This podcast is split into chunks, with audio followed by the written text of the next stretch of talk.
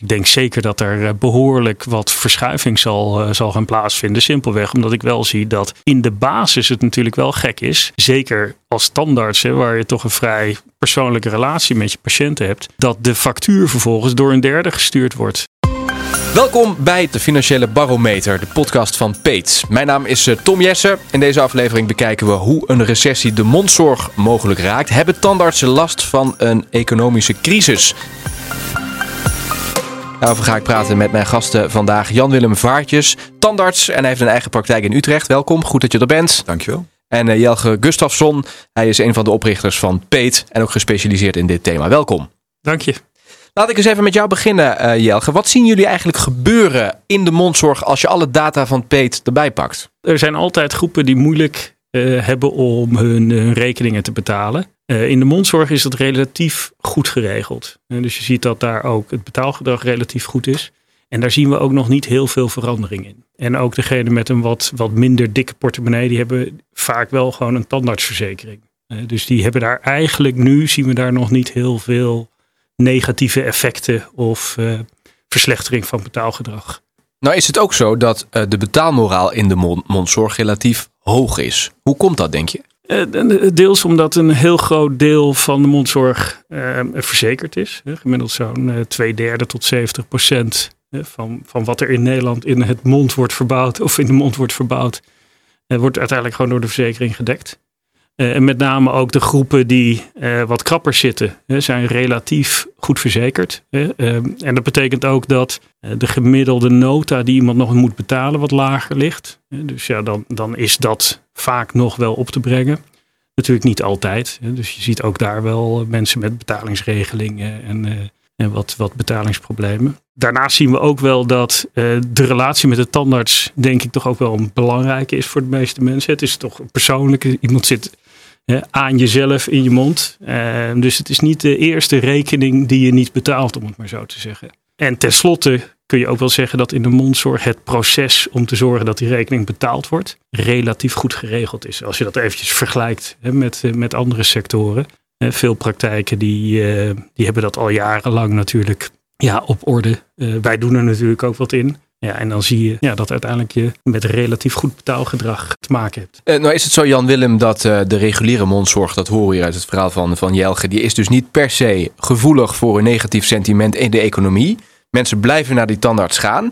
Jij zei wel uh, in het voorgesprek dat we hadden op deze podcast, die duurdere behandelingen, daar zie je nog wel eens bij, als het dan wat minder gaat, dat mensen daar het eerste wel in snijden. Hoe zit dat? Ja, in, in, in 2008, 2009, tijdens de financiële crisis, uh, ik ben zelf tandarts-implantoloog, en wat duurdere, duurdere behandelingen. Toen had ik echt wel een serieuze terugval van 20, 30 procent in mijn, in mijn behandelingen. En dat is later ook wel weer helemaal goed gekomen. Hè. Dus, maar uh, in mijn praktijk bleef er gewoon de algemene mondzorg, weet je, mondhygiëne, controles, röntgenfoto's, vullingen. Ja, daar zag je eigenlijk geen verschil. Hmm. Kun je dan zeggen van dat is een wat luxere behandeling. Die is niet per se noodzakelijk voor de gezondheid van mijn gebit. Misschien niet op de, op de korte termijn. Dus ik zet daar nu, als het wat minder gaat, een streep door. Ja, deels waar. Kijk, als het een voortand is of je, of je kan echt niet meer kauwen. Ik denk dat die mensen het wel hebben doorgezet. Maar soms is het ook een kies achterin die je niet helemaal ziet. Ik, ja, ik vind het wel fijn om te hebben, die kies. Hè, maar het is niet per se een medische noodzaak. En ik denk dat soort behandelingen op dat moment werden uitgesteld. Precies. Misschien goed om even uit te leggen hoe nou de verhouding is tussen de tandarts en Peet als organisatie. Ook voor de mensen die misschien niet weten wat Peet doet. Welke rol spelen jullie, uh, Jelge, in dit verhaal? Um, wij leveren eigenlijk software aan, uh, niet alleen praktijken, we doen dat in bredere, uh, in meer markten, maar specifiek in de mondzorg leveren software waarmee praktijken eigenlijk het proces om de nota betaald te krijgen, maar ook om de nota bij de zorgverzekeraar betaald te krijgen, ja, mooi automatiseren. Mm. Nou heb je ook zoiets in die tandartswereld dat heet factoring. Wat is dat? Factoring is eigenlijk, dat zijn organisaties waar je je eh, debiteurenbeheer, zoals we dat noemen, echt aan uitbesteedt. Je verkoopt eigenlijk als standaardpraktijk dan je factuur aan een derde. Eh, die, die gaat incasseren eh, en die jou daar uh, nou ja, je geld natuurlijk betaalt en daar een percentage op inhoudt. Precies, en dan ligt dus ook het risico bij die factoringsmaatschappij? Niet per se. Dat is weer een beetje afhankelijk van wat voor soort afspraken je maakt. Mm. Dus in de regel zul je zien dat um, als er iets uiteindelijk onbetaald blijft, die factoringmaatschappij toch ook weer bij de praktijk aan de deur komt kloppen. Ja. En wat is dan het verschil tussen zo'n factoringsmaatschappij en Peet?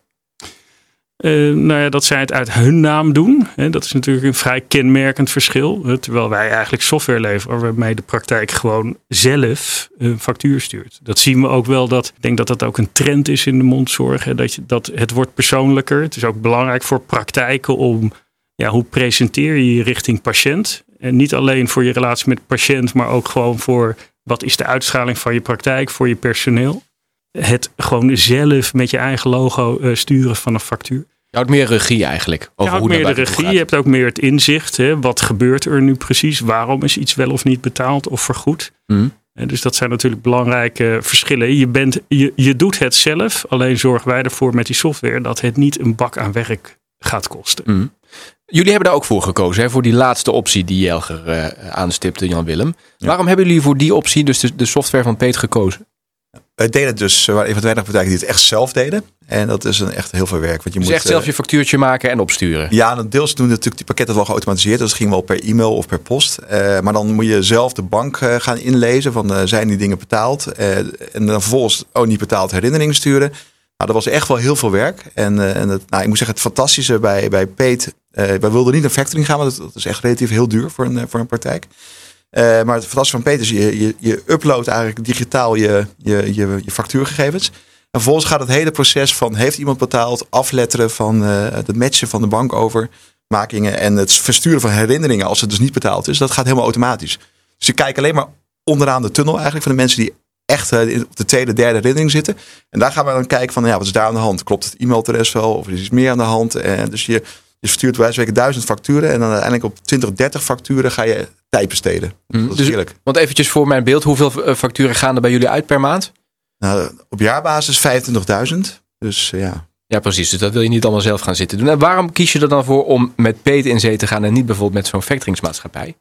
Nou ja, factoring dan, dan wordt inderdaad je factuur door iemand anders eh, verstuurd. En ik heb het zelf meegemaakt bij mijn zoon. Ik had een orthodontierekening van 23 euro. Ik moet zeggen, ik was ook te laat. Een, een week te laat dan vind ik ook wel logisch dat je misschien iets van de boete kreeg. Maar ik kreeg 40 euro boete na één week. Dus met een rekening van 23 euro werd 63 eh, euro. En dat wordt dan, en dan kan je als praktijk misschien ook zeggen van dat is niet echt klantvriendelijk voor je, voor je patiënten. En bij Peter kan je dat zelf even instellen. Wil je dan 5 euro boete of 0 euro boete? Je kan boetes terugdraaien. En als je het uitbesteedt, eh, kan dat niet. Dus het is veel persoonlijker. En uh, het is ook makkelijker om facturen te wijzigen als er gewoon wat veranderd moet worden. Mm, dus jullie hebben er goede ervaringen mee. Hoor je het ook terug van patiënten? Wat zeggen zij van deze manier van factuur ontvangen? Of, of, of boeit ze dat eigenlijk? Krijgen we een ding. Oh, wat hebben jullie tegenwoordig een hip systeem? Oh, ja. Met QR-codes en dingen. Ja, ja, dus dat uh, beviel wel. Ja. Oké, dus daar is het ook niet onopgemerkt gebleven. Dat is ook wel belangrijk. Nou, begreep ik wel, Jelge, dat het merendeel van de tandartsen het wel uitbesteedt. Hè? Hoe zit dat? Ja, nou, ik denk dat. Uh, zo rond de 85 procent, een heel groot deel uh, doet het via factoring. Is een beetje historisch enerzijds. Het is inderdaad wat Jan Willem al zegt. Als je het zelf doet, is dat heel veel werk. En met name ook het clearen bij zorgverzekeraars. Het clearen is het eh, bij een zorgverzekeraar indienen vanuit de praktijk. Ja, dat was altijd heel veel werk. Ik begreep ook van jou, Jan Willem, dat uh, op het moment dat jullie het nog echt zelf deden, zonder de hulp van Peet, dat die software van de tandarts, die is ook best wel ouderwets. Hè? Dus daar zitten niet alle nieuwe functionaliteiten in. Nee, nee, nou ja, ik weet niet of je wel stiekem met de schuine ogen hebt gekeken als het anders aan het typen was. Maar dat is er staan bijna honderd van die knopjes op zo'n, uh, op zo'n ding. Het is allemaal een beetje Windows 3.11. En die, en die eh, ja, het is gewoon niet zo. Het is niet alsof je een Silicon Valley product hebt. Waar je Gmail gewend bent of zoiets. Dat werkt allemaal heel makkelijk en heel snel en allemaal in de cloud.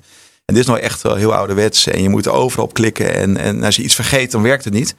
Wat je eigenlijk wil, is dat niet als je medewerker op dinsdag ziek is, dat je uh, een week lang geen herinneringen verstuurt. Hè? Dat gebeurt natuurlijk ook wel eens. Zijn er eigenlijk wel herinneringen verstuurd? Oh nee, zijn we twee weken niet gedaan. Dat soort dingen kwam ik vroeger tegen. En nu is dat gewoon geautomatiseerd. Dus dat is veel fijner. Dit is het proces rondom de facturatie. Heel belangrijk. Kun je er nog meer mee? Want ik kan me ook voorstellen, je gaat gegevens verzamelen, data. Daar gaat het natuurlijk tegenwoordig alleen maar over.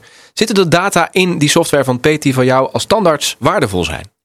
Nou, sowieso, dat moet ik zeggen, we hebben natuurlijk die data is heel waardevol. Maar die kan ik ook in mijn software systeem bekijken op, uh, in de praktijk. En dan doe ik ook wel dingen mee. Want uh, hoezo maakt de ene tandarts misschien uh, meer dit en meer dat. Dus data vind ik heel belangrijk. Alleen wat mij nou heel interessant lijkt, misschien in de toekomst op mijn praktijk misschien te benchmarken met de data tegenover andere, andere praktijken. we hebben voldoende data. Dus kijk, het is wat wij. Um, data is natuurlijk altijd een beetje een heet hangijzer van wat doe je ermee wat mag je ermee. Dus wij, uh, wij beloven natuurlijk onze klanten dat we die data alleen maar gebruiken voor datgene wat we uh, voor de klant als dienstverlening uitvoeren. Nou is dit uh, een manier die Jan Willem heel goed bevalt. Um, hoe, hoe, nieuw is deze methode? In de, in de mondzorg, hè? want jullie zijn ook in andere sectoren actief. Maar als je echt puur kijkt naar deze tak van sport, hoe nieuw is dit daar? Voor de mondzorg doen wij iets meer dan wat we voor reguliere klanten doen. Hè. Dus ook het indienen bij een zorgverzekeraar en zorgen dat datgene wat uh, niet wordt toegewezen door een zorgverzekeraar ook automatisch richting patiënt gaat. De, rest, de restfactuur is dat volgens De restfactuur, ja. ja. De eigen bijdrage. Uh, dat is, dat is niet per se nieuw, maar het nieuwe wat wij daar eigenlijk aan toevoegen is dat we de automatisering zo ver doorvoeren dat het eigenlijk niet meer zelf op de knop drukken is. En dat is wel kenmerkend verschil. En dat geldt eigenlijk breder dan alleen voor de mondzorg. Mm. Traditioneel uh, heb je software, maar die software die zet iets voor je klaar en jij moet op een knop drukken. Mm. En bij ons gaat het eigenlijk altijd vanuit het principe dat Ehm, we willen dat je zo min mogelijk uh, standaard handeling hoeft uit te voeren. En alleen maar iets hoeft te doen als het echt nodig is, als er een echte uitzondering is. En, en ja, dus het, het, is niet zozeer nieuw dat er software gebruikt wordt. Dat gebeurt natuurlijk al jaren. Maar het is meer hoe benader je vervolgens binnen die software wat, je, wat je nog moet doen. Nee, bijvoorbeeld bij de jeugd. Hè, want de jeugd is verzekerd voor de tandarts. Hè, dus de tandarts is gratis voor de jeugd. Tot 18 hè? Tot 18 inderdaad. En ehm, dan is het heel fijn dus dat er eigenlijk nooit een rekening op de mat komt. Die de ouders zelf moeten, moeten, moeten indienen. En vroeger deden we het wel. We stuurden gewoon iedereen een factuur. En dan moesten ouders dat allemaal zelf indienen. Ja.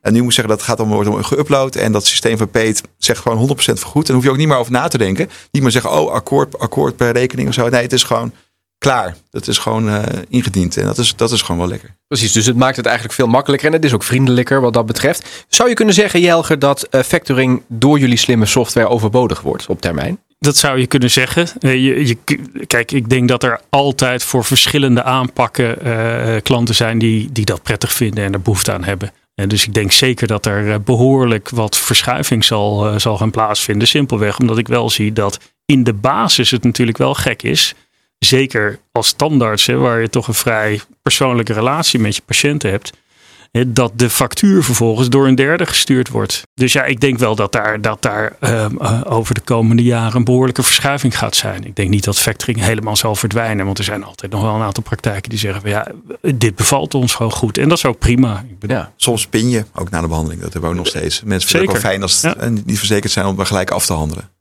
Dus er zijn verschillende opties, maar speelt dit, uh, heeft dit bij jou ook een rol gespeeld? Je noemde al het kostenaspect hè, van factoring versus uh, de software van Peet. Maar het feit dat jij dus wel hè, met je eigen identiteit die factuur stuurt, heeft dat nog meegespeeld in je afweging? Zeker, want dat deden we al. Uh, ook omdat je, je krijgt gewoon vragen over rekeningen. Soms kloppen rekeningen niet. Hè. Je, wil, je wil eigenlijk zo patiëntvriendelijk gewoon heel snel dingen kunnen aanpassen. Als dat via een derde partij gaat, is dat allemaal veel, veel logger. Ja, want als ik een vraag nu heb over de factuur, dan gaat niet Peter dat beantwoorden, maar dan komt dat direct bij jullie. Ja, dus hebben ze wel leuk als je, dus, mensen krijgen de factuur per e-mail bij ons. En daar zit dan een, eh, reactiemogelijkheid in. En dan krijgen wij in ons systeem van Peter, zie je dat die factuur staat een, eh, een bericht klaar. En dan kunnen we eigenlijk in een soort ja, chatachtige omgeving, kan je steeds met elkaar over die rekening hebben. Ja, oké. Veel gemak dus. Uh, vriendelijker, het is eenvoudiger. Dat zijn allemaal woorden die erbij passen. Dan is natuurlijk wel de vraag, Jelge, ja, wat kost mij dit? Want ik hoorde al Jan Willem zeggen van ja, het is goedkoper dan factoring, maar daar zal echt een prijskaartje ook aan hangen. Um, het kost gemiddeld, kijk, de gemiddelde nota bij een tandarts ligt zo tussen de 100 en 110 euro. Um, uh, ons verdienmodel komt erop neer dat we gewoon een vast bedrag per factuur rekenen. Uh, en gemiddeld is een tandarts zo'n 40 tot 50 cent per um, per nota zeg maar, kwijt. Het hangt een beetje vanaf hoeveel er verzekerde zorg zit binnen de praktijk, hoeveel er naar de patiënt gaat. Maar dat is een beetje waar je zo moet rekenen. En uh, ja, daarmee is het vaak een factor 4, misschien soms wel factor 5 goedkoper dan een alternatief van factoring.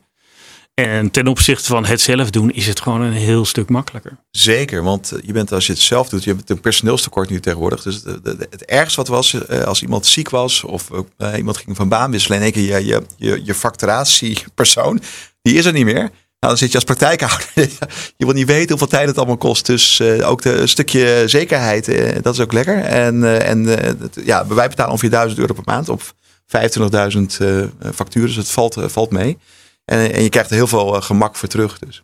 dus op maak je idiote werkweken. En als je dan een stukje zekerheid in, in, in software kan hebben, waardoor je weet dat je niet meer tijd bent, kwijt bent dan dat. Nou, dat vind ik fantastisch. Dus, dus ja, het is, dus, ja, dus wat dat betreft, geef mij maar meer softwareoplossingen die nog meer werk als praktijkhouder uit, uit handen kan, kan nemen. Ja, we hebben het nu over kunstmatige intelligentie, maar als ik dit zo hoor, juich jij dat van harte toe? Van dat harte toe, ja, want de, de, de, de, overheid gooit steeds meer wet en regelgeving over de schutting. Dus uh, ja, de enige antwoord is denk ik automatisering. Maar je ziet natuurlijk dat ook in de mondzorg zeker, eh, personeel is natuurlijk echt een probleem aan het worden. Hè? Goede mensen vinden, dat is niet makkelijk. Dus dus zeg maar alles wat je kunt automatiseren en wat je op die manier goed kan regelen, is natuurlijk ja, altijd slim om te doen, denk ik. De, hmm. ondernemer weet dat wel. Dat, dat geldt ook zeker in de mondzorg. Ja, ik heb meer, uiteindelijk kun je misschien ook röntgenfoto's makkelijker met elkaar vergelijken. Dat soort software komt er ook allemaal aan. Ja.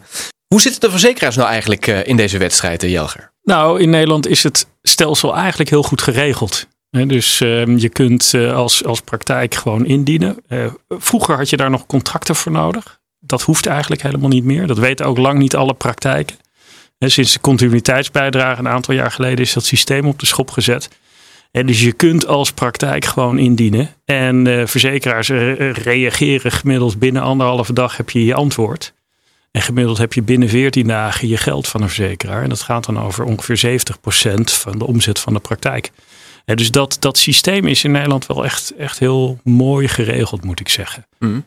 Er zijn altijd wel wensen hè, die we hebben van dingetjes die nog beter of sneller kunnen. Maar in de basis is dat, uh, ja, is dat een mooi systeem. Ja, wat, wat merk jij van uh, nou, de relatie met de verzekeraars, Jan Willem? Laat ik zo zeggen, uh, het ligt een beetje aan welke tak van sport je doet in de tandheelkunde. Heb je het bijvoorbeeld over de jeugd, dan zijn verzekeraars echt heel ruimhartig en betalen heel snel en stellen weinig vragen. Dus je kan, je kan eigenlijk heel erg uitgebreid behandelen zonder dat een verzekeraar stop zegt. Zit je bijvoorbeeld meer in de, in de, in de kunstgebieden en, en dat soort dingen. Dan zie je toch dat ze zeker iets strenger zijn. En, dat is ook duurder? Ja, misschien ook duurder. Ja. En misschien, eh, ja, het is ook per, per handeling een stuk duurder, dat klopt. Dus, dus, ik zie daar wel verschillen in. Nee, zeg maar jeugdmondzorg hè, tot 18 gewoon volledig uh, gedekt is natuurlijk een heel mooi hè, principe. Je ziet inderdaad dat bij ouderen dat daar natuurlijk wat meer, of bij volwassenen dat er wat meer um, ja, kritisch gekeken wordt door verzekeraars. Dat is natuurlijk ook een trend die, uh, die, die zich zal, wel zal voortzetten. Je ziet ook een trend dat, dat er bijvoorbeeld wat uh, budgetpolissen komen vanuit verzekeraars, waarin wat minder ruime dekking is. Maar goed, aan de andere kant kun je ook zeggen dat dat natuurlijk goed is, dat er ook gewoon keuze is. Waar wij bang voor zijn een beetje, kijk, je bij, de, bij, de, bij de kunstgebied heb je dan wel, als je geen contract hebt, dan krijg je een bepaalde korting. En dan vergoedt de verzekeraar minder van uh, tarief. Als, ik heb bijvoorbeeld bijna geen contracten. En dan bij de jeugd niet. Bij de jeugd, waar je ook heen gaat, je kind krijgt altijd de volledige dekking of het anders wel of geen contract heeft. En dat vind ik fantastisch. En ik hoop dat dat zo blijft trouwens. Dat onderscheid, dat begrijp ik dan ook wel. Maar ik hoor, ik hoor je toch ook wel zeggen, kijk als verzekeraar bij die kunstgebieden misschien niet al te kritisch altijd. Nou ja, het is, we moeten dat allemaal aanvragen. Hè, dan zeggen we, dan komt, meldt zich iemand bij mij met een heel erg loszittend kunstgebied met een kleine kaak. En dan moet ik uh, foto's van nemen, röntgenfoto's, maar ook gewoon uh, dia's eigenlijk, lichtfoto's. En dat dien ik dan in via een bepaald platform. En dan duurt het soms weken en dan krijg je een afwijzing. Ja. Denk je, hè, een afwijzing, maar heeft toch een hele kleine kaak. En dan moet je dus in beroep gaan. En soms heb ik het idee dat sommige verzekeraars gewoon gestandardiseerd alles gewoon afwijzen. En dan kijken we als iemand in beroep gaat, dan gaan we pas serieus kijken. Mm. Dus dat is een beetje traineren, een beetje afhouden. Precies, en dus voor jou vervelend, maar helemaal voor die patiënt. Want die heeft hele lange tijd onduidelijkheid. Kan ik wel of niet uh, behandeld worden? Ja, je kunt wel behandeld worden, maar wordt het ook voor goed? Ja, het is, voor, het is eigenlijk voor iedereen uh, vervelend. Het is gewoon een, een, ja, een soort van trucje, denk ik, van een verzekeraar om geld te besparen. Ik begrijp de drempel wel, want je wil ook niet alles vergoeden. Maar ik heb het soms het idee dat er, dat er niet altijd. Daar is misschien ook een personeelstekort. Dat er niet altijd de inhoudsdeskundigen naar die eerste keer kijken. Precies. Dat is ook het thema uh, wat eigenlijk overal speelt. En wat we in deze podcast ook kort even willen aanstippen. Dat personeelstekort, dat, dat speelt natuurlijk ook in, in jullie branche, Jan Willem. Hoe, hoe merk je dat?